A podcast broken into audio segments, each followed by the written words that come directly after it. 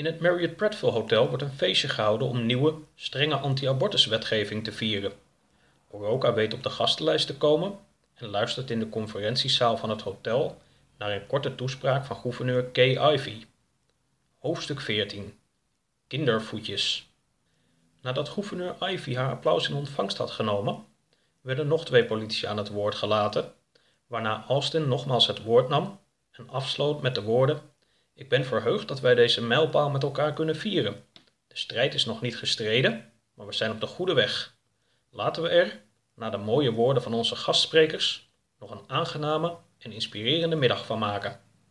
Die middag begon met een lunch, waarbij Oroka zijn bord vol schepte met krabsalade, kleine pannenkoekjes, vier bolletjes citroenijs en drie gekookte eieren.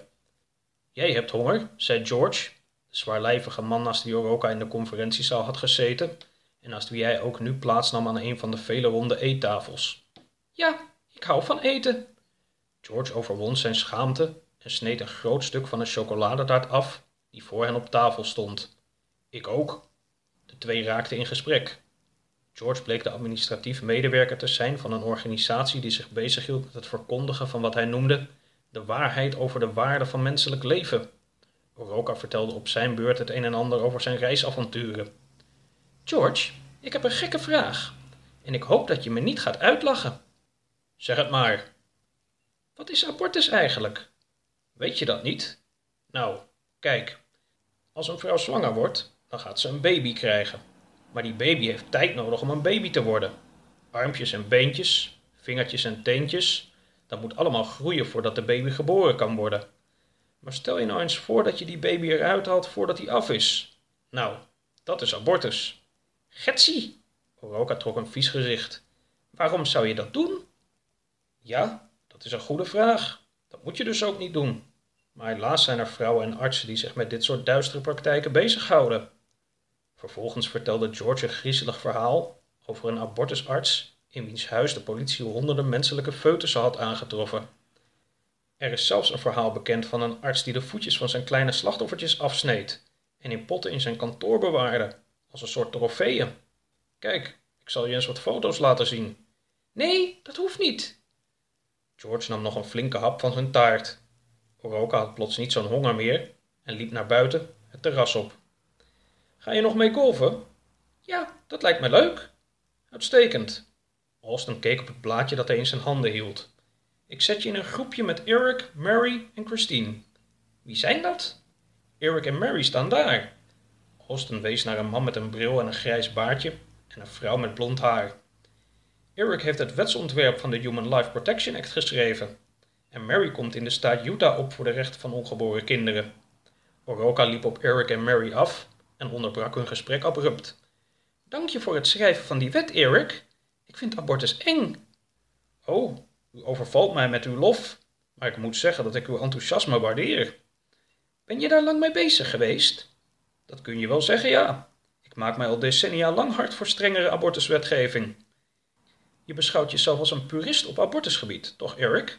Zo is dat, Mary. Gelukkig wordt er al in heel wat staten werk van dit onderwerp gemaakt. Maar mijn aangenomen wetsvoorstel is zeker vooruitstrevend te noemen. Het staat vrijwel alleen abortus toe in gevallen dat het leven van de moeder in gevaar is.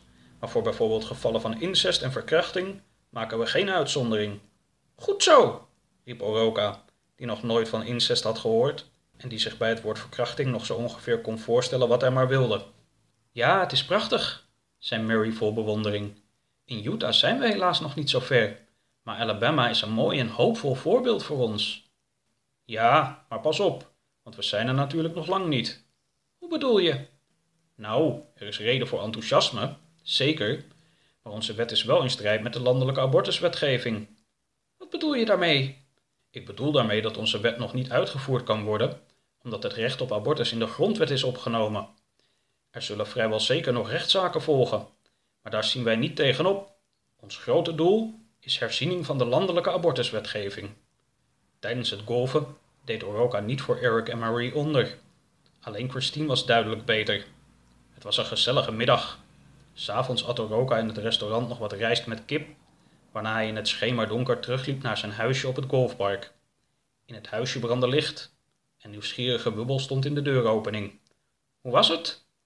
Oroka vertelde over wat hij allemaal had meegemaakt. Hij vertelde over de toespraken en over George, over Eric en over het golven. Trouwens, vanochtend voor het feestje heb ik de laatste wespennesten op de Senator opgeruimd. Dat betekent dat we hier klaar zijn. Ik vind het ook wel een mooi moment om weer wat verder te reizen en te stoppen met het bestrijden van wespen. Goed, ik heb het hier wel naar mijn zin, maar dan halen we morgen ons geld op bij James en gaan we verder. Die nacht had Oroka een enge droom. Een jonge vrouw met een dikke buik liep over een donkere weg. Ze liep snel en keek af en toe angstig om zich heen, toen achter haar plots een groot en duister wezen opdook. Ik wil jouw kindje, riep het wezen met een griezelige stem. De jonge vrouw begon te rennen en te gillen. Met haar dikke buik rende ze opvallend snel, maar het wezen had lange benen en volgde haar moeiteloos. Ik wil jouw kindje, ik wil jouw kindje. Waarom? riep de vrouw al rennend. Ik verzamel kindervoetjes. Tot zijn grote schrik zag Oroka nu dat het wezen een riem droeg waar allemaal kleine voetjes aan hingen. Ga weg, riep de vrouw. Nee, ik ga niet weg. Ik heb je bijna te pakken. Niets daarvan, klonk plots een krachtige, bekende stem. Uit het donker kwam een man met een bril en een grijs baardje tevoorschijn. Het was Eric. Hier! Het wezen schrok, hield halt en keek naar wat Eric in zijn handen hield. Wat is dat? De nieuwe abortuswet. Dat is wat dit is. Maar is die al in werking getreden dan? Wegwezen jij! Eric en zijn papieren werden heel groot, terwijl het wezen ineens schrompelde. Het wezen sloeg op de vlucht, maar Eric bedacht zich en haalde onverwacht uit. Het wezen werd onder Eric's papieren verpletterd. De donkerte verdween, de droom waaide weg. Oroka viel in een diepe slaap.